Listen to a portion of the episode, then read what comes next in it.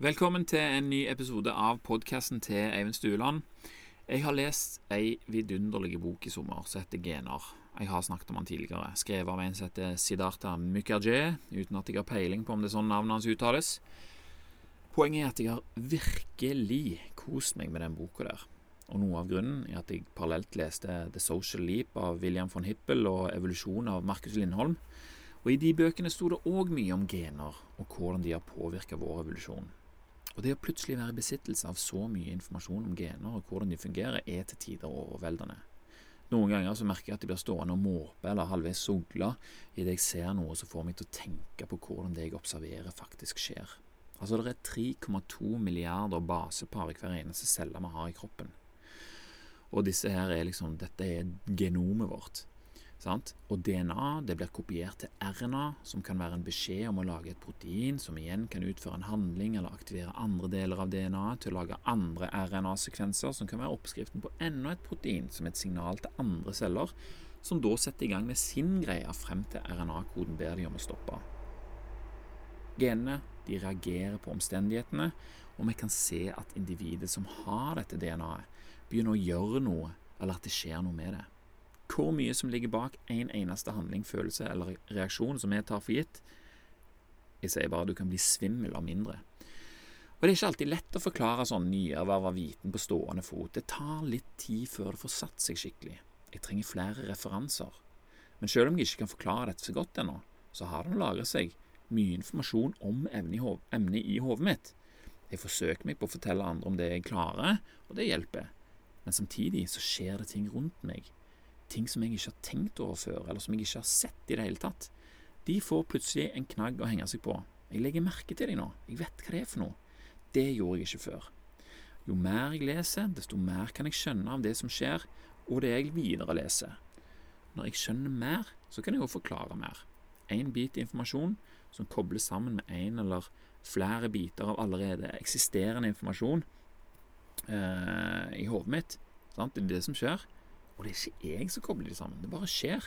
Og det er altså en utømmelig kilde til fascinasjon, spesielt hvis du begynner å tenke på at DNA-et styrer på en måte dette her. Hvis du leser ei bok, forutsatt at det er en god en, så klart, så kan vi regne med å bli rikelig belønna i lang tid fremover. Både i dopamin og andre kjekke hormoner så oversettes til mer gjenkjennelige følelser, glede, fascinasjon, interesse, velvære. Det er jo en slags rus, sant? Dette her er belønning med substans, noe du har jobba for å kunne oppleve igjen og igjen. Sant? Noe du faktisk fortjener, som inneholder mer enn bare følelsen hormonene gir deg.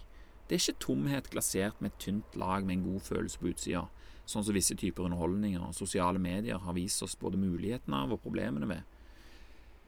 Hver gang jeg heller eh, hver gang jeg klarer å heller lese eller skrive noe framfor å henge på Facebook eller se på TV, så føler jeg at jeg vinner.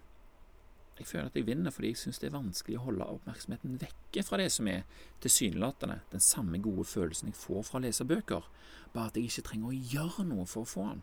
Sant? På TV og Internett du blir servert det. Og det er det en stor forskjell på. Når jeg leser, så investerer jeg noe som vil gi avkastning i lang tid. Det er iallfall sånn jeg tenker om det. Genene mine de oppfatter at jeg gjør noe fordelaktig, og så gir det meg god respons på det. God respons det får jeg òg om jeg ser noe underholdende på TV eller PC-en. Men det vil jeg ikke kalle en investering. Det er ikke sånn jeg ser på det. Jeg håper jeg skal klare å forklare hvorfor på en god måte i løpet av denne episoden her. Jeg ser TV og henger på Facebook, jeg òg, altså. Jeg er ikke, jeg er ikke noe seint. Men jeg, jeg, regner ikke med at det er bruk av tid jeg får noe avkastning fra. Jeg forventer ikke det. Noen ganger får jeg det likevel, men jeg forventer det ikke. Kommer det noe av interesse, så er det et tilfeldig resultat at jeg har silt meg gjennom en mengde irrelevant informasjon og reklame for, for å komme til det. En bok som jeg syns er interessant, inneholder timevis av underholdning og viten om et tema som jeg allerede interesserer meg for. Daniel, Det var derfor jeg valgte den boka der, og den kan nytes uten disse her forstyrrelsene og uten å måtte sile. Er du med på den? Vi mennesker vi har vanskelig for å skille mellom disse to typer belønningene her, med eller uten substans. Og det der substansgreiene, det er bare det jeg kaller det for å skille dem fra hverandre. Det er fordi de oppleves ganske likt når du gjør det. Den ene, den kan være over i det han er over. Samuel. mens den andre den kan fortsette å gi gode hormoner i lang tid. Ikke så annerledes fra renters rentereffekten, egentlig. Det kan være kjedelig for nuets meg å sette penger i indeksfond, sant? for det er jo penger som jeg kunne brukt på noe i dag. Samtidig så ville de òg vært brukt opp på den ene tingen, og her kommer det jo selvfølgelig an på hva de blir brukt på, da. Men det er ikke det som er poenget. Framtidens meg syns ikke det er noe kjedelig at jeg har satt penger i indeksfond foran. De har vokst av det, ser du, og de øker spekteret av mine framtidige muligheter. Hva vil jeg bruke disse pengene på? Det vet jeg jo ikke ennå. Det er det som er litt av problemet. sant? Jeg kan ikke se inn i framtida, jeg. Jeg kan bare anta hva som vil skje. For alt jeg vet, så kan det vise seg at det er en elendig taktikk, men jeg gjør det likevel. Det er basert på det jeg har lest og erfart, i tillegg til, at, eh, tillegg til det jeg har lest at andre har erfart. Det er jo det som er den billigste måten å lære noe på Å lære av andres erfaringer. og De finnes ofte i bøker. Da slipper vi unna med å tenke og observere, istedenfor å måtte leve gjennom dyrkjøpte egne erfaringer. Plutselig en dag i framtiden dukker det opp et uforutsett behov. Da er det for seint å spare. Det handler, god, uh, det handler om å finne en god balanse på dette her, og leve godt nå, samtidig som en øker oddsene for at det skal være godt å leve òg i framtida. Sånn tenk, tenker jeg om penger og sparing. Og, og litt sånn er det med bøker òg. Bøker har en mye større sjanse for å uh, Fremtidens meg vil aldri være lei seg for at jeg leste en bok som gjør at han i framtida forstår noe som han har oppdaget der. Ja, Løsninger på problemer eller svar på spørsmål som jeg har, de kan finnes like foran oss, men uten at jeg kan se dem. Og jeg tenker jo at desto mer jeg leser, jo bedre er jeg i stand til å se disse løsningene. Og jo mer jeg forstår, desto mer kan jeg forstå. Bytter jeg denne lesetiden med underholdning og sosiale medier, så får jeg kanskje ikke med meg disse løsningene her. Jeg vet heller ikke at jeg har gått glipp av de. Er du med på den? Kostnaden av å ta den enkle veien er veldig godt skjult. Og det vil si at dette her er min egen bevissthetsoppgave å skille mellom belønning med substans og avkastning, som har noe å si for hvordan jeg lever livet mitt, og belønning uten substans og avkastning, som da faktisk fjerner meg fra muligheten til å oppleve belønning med substans og avkastning. For å klare dette her, så må vi bruke det som heter selvdisiplin. Det kommer ikke av seg sjøl, men øvelse gjør mester, også her. Michel de Montagne han sier det så fint Han sier ikke det når han er død nå, men han sa det så fint når han sa at sånn han ser det, så bør vi unngå kortsiktige gleder som utvikler seg til lengre ubehageligheter. Og vi bør ettertrakte kortsiktige ubehageligheter som forløses i større og langvarige gleder. Sett penger i banken nå, så får du langvarige penger senere.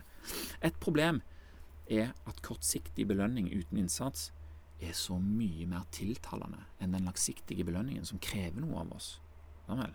Den kortsiktige er vi ganske sikre på hva vi får av. Den langsiktige kan vi bare ane konturene av, på en måte. Det krever mer av oss å bygge langsiktig moment pga. dette her. Og det gjør det vanskelig å velge. Sånn er det med bøker for oss som lever i dag. Det er litt vanskeligere å få glede ut av ei bok idet du åpner den, enn det er å få glede ut av en bekreftelse idet du logger på en av dine kontoer på internett. Det er lett å få dopamin gjennom det som skjer der, på internett altså. Det er fordi at mange jobber med at det skal være sånn. Det er litt feige lag, egentlig. Det er enkelt òg å sitte og glise inn i TV-en, der det skjer noe som får deg til å glise inn i TV-en. Og det er mange som jobber med at TV-programmer skal ha nettopp den effekten. Det er noe annet å begynne på ei bok. Boka er lang, og du har begitt deg ut på en oppgave som du kan se vil fjerne deg fra denne her kontinuerlige, substansløse belønningen. Derfor krever det noe av oss. Tålmodighet, f.eks. Selvtykt. Vi må ofre noe kortsiktig glede som vi ser for oss at vi kan få med en gang, for å kunne oppleve denne mer langsiktige og uvisse gleden som, som, som potensielt sitter i å kode mening ut av små tegn på et tynt stykke tre altså papir med bokstaver, som en bok jo består av. Enda en utfordring blir det for oss at vi ikke vet hva det er vi kan få ut av boka. Er det verdt å bruke så mye tid det tar på å lese denne boka på å lese denne boka? Det vet vi ikke. Vi liker ikke å ikke vite. Vi vet hvor vi kan få belønning, så hvorfor skal vi lete et annet sted? Dette blir det fort en vane av. Noen har dratt det så langt at de bare ikke leser bøker, og så bruker de det i seg sjøl som en tungtveiende årsak til å fortsette å ikke gjøre det. Jeg forstår det. Jeg forstår de. Jeg var sånn sjøl. Å måtte lese En glad gutt og analysere et dukkehjem i en alder der ingen av delene ga noe mening, det bidro, bidro til at det var sånn. Vi er gode til å huske, sant? huske hva vi ikke liker. Det som tar oss vekk fra glede, og huske det vi liker som gir oss glede.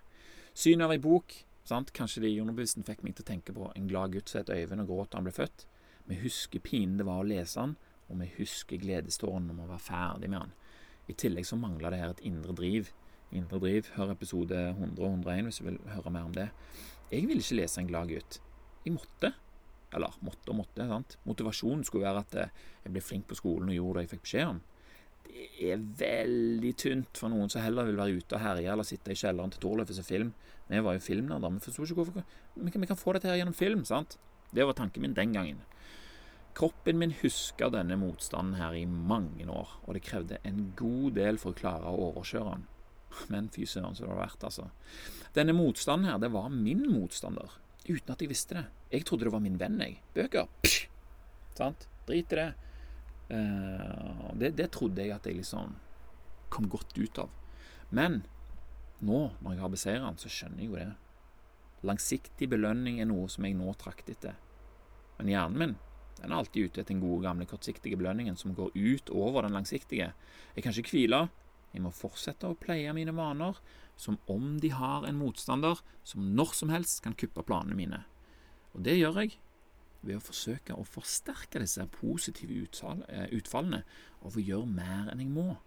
Jeg tenker over de, gjør meg sjøl bevisst på de, så begynner jeg å nyte de. Aller best så gjør jeg dette når jeg skriver om morgenen. Nesten hver gang jeg skriver om morgenen, så takker jeg meg sjøl for at jeg gjør mer enn jeg må. Og med det så mener jeg at eh, jeg må ikke stå opp tidlig og skrive i en bok. Jeg må ikke det, jeg. Men jeg blir veldig glad for at jeg har gjort det når jeg er ferdig. Sant? Og idet jeg sier det, sier jeg sånn Tusen takk for at du satte deg ned her og skrev i dag. Da har jeg den følelsen med meg videre. Så får jeg mer lyst til å velge disse her langsiktige oppleggene istedenfor å bare slenge meg på sofaen og, og glo inn i en skjerm. Lese og skrive, skrive og lese, de to tingene der henger veldig tett sammen og gjør det lettere å skjønne hva som er verdt å gjøre for meg. Sant? Folk kan tenke sånn åh, stakkars, ligger og leser og liksom koser seg jo ikke. Jo, det er nettopp det. Du kan kose deg med hva som helst, bare du overbeviser deg sjøl om å gjøre det. Vi er gode til å se inn i framtiden, oss mennesker, og se potensialet. sant? Vi er gode i forhold til de andre som er på jordkloden, iallfall. Vi er faktisk best av de som er her. Men selv om vi er best av alle som bor her, så er ikke dermed sagt at det er noe lett, eller at vi faktisk er noe særlig gode på det. Grunnen til at vi kan det, er fordi at vi jakta og, og fikk en stor hjerne som gjorde at vi kunne klare oss å forutse hvor den der gnuen ville gå hen. Sant? Så klarer du å liksom, Det var det som var begynnelsen på, på denne framtidstolkinga vår, som er, som er da fantasi. Det er vanskelig for oss å oversette potensialet av langvarige gleder i framtiden til at vi bør ofre noen kortsiktige nå.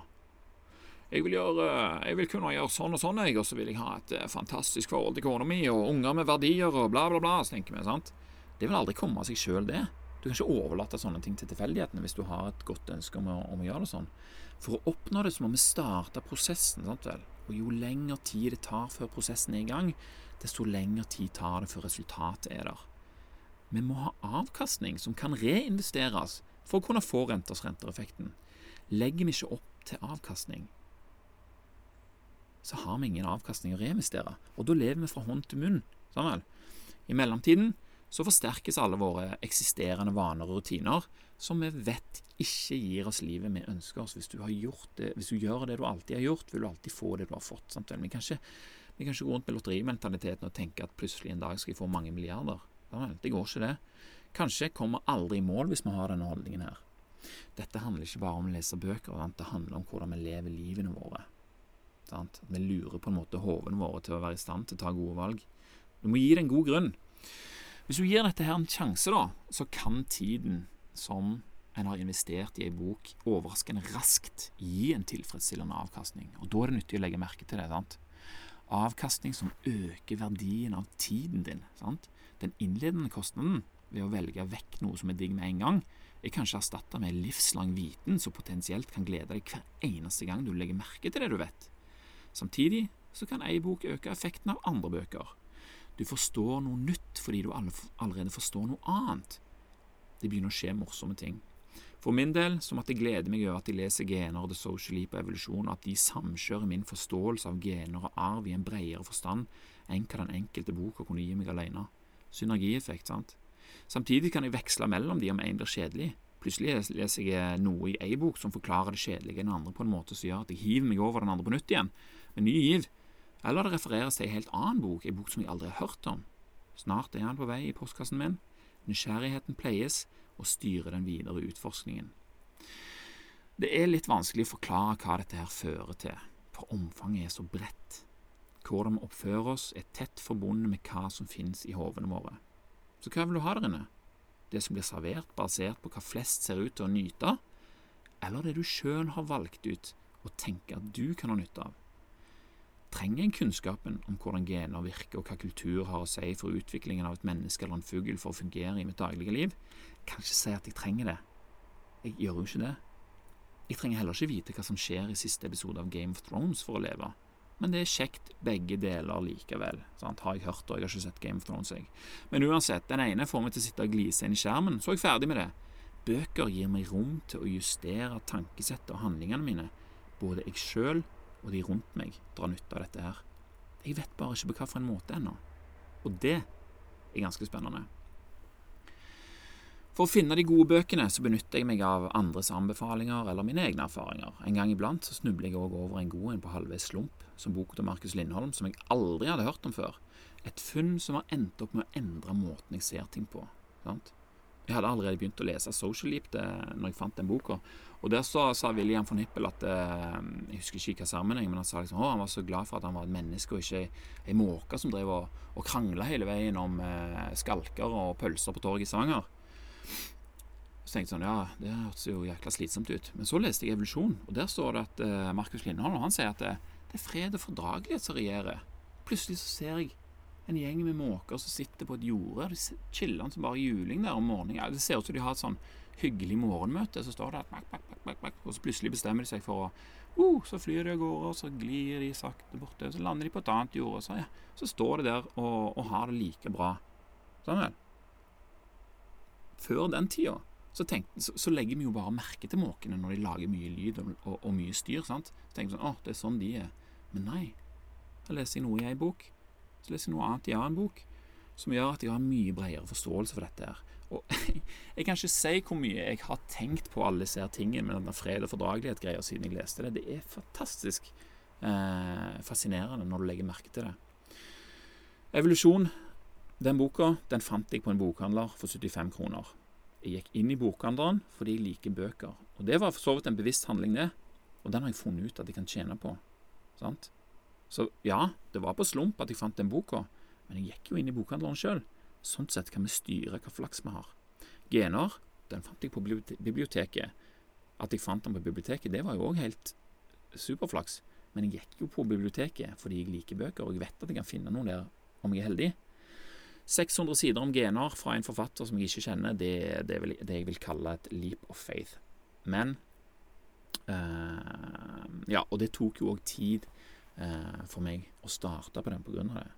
Så brukte jeg andre bøker da, på å prokrastinere litt før jeg begynte skikkelig. Men når jeg hadde begynt skikkelig, og, og så disse her sammenhengene, og sånn, så kunne jeg ikke stoppe, og jeg grua meg til han var ferdig.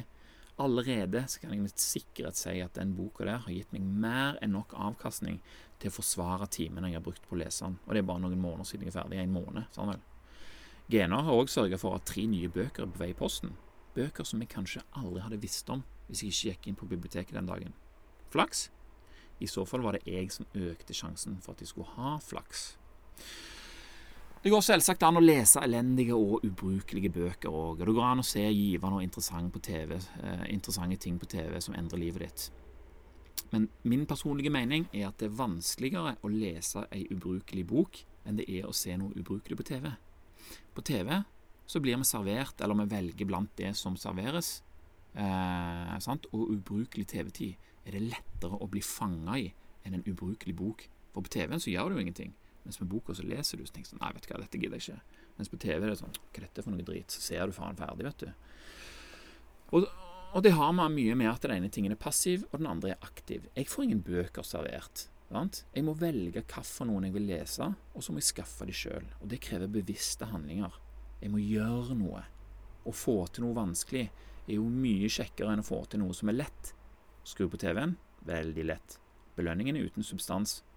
Ed Shaw han sier at du får ikke rask belønning for å skape noe av betydning for verden. Rask belønning får du for å gjøre noe som ikke har noe å si. Og det samme kan vi si av oss sjøl. Vi får rask belønning for å gjøre noe som er lett, men det er uten betydning. Skal vi ha noe mer, så må vi klare å gjøre noe som er vanskeligere, og det er det som skaper mening og verdi for oss, og det varer mye lenger enn det som er ubetydelig.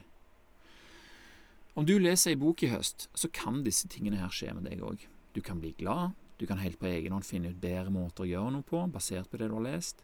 Du kan ende opp med å sløse vekk mindre tid på ting som ikke gir avkastning. Du kan ende opp med at den ene boka har fått deg til å ville lese en til, og du kan ende opp med å fortelle interessante detaljer fra denne boka til andre mennesker, som kanskje sjøl får lyst til å endre på ting eller lese ei bok. Du kan gjøre hverdagen til de rundt deg bedre uten at, vet, uten at de sjøl vet det.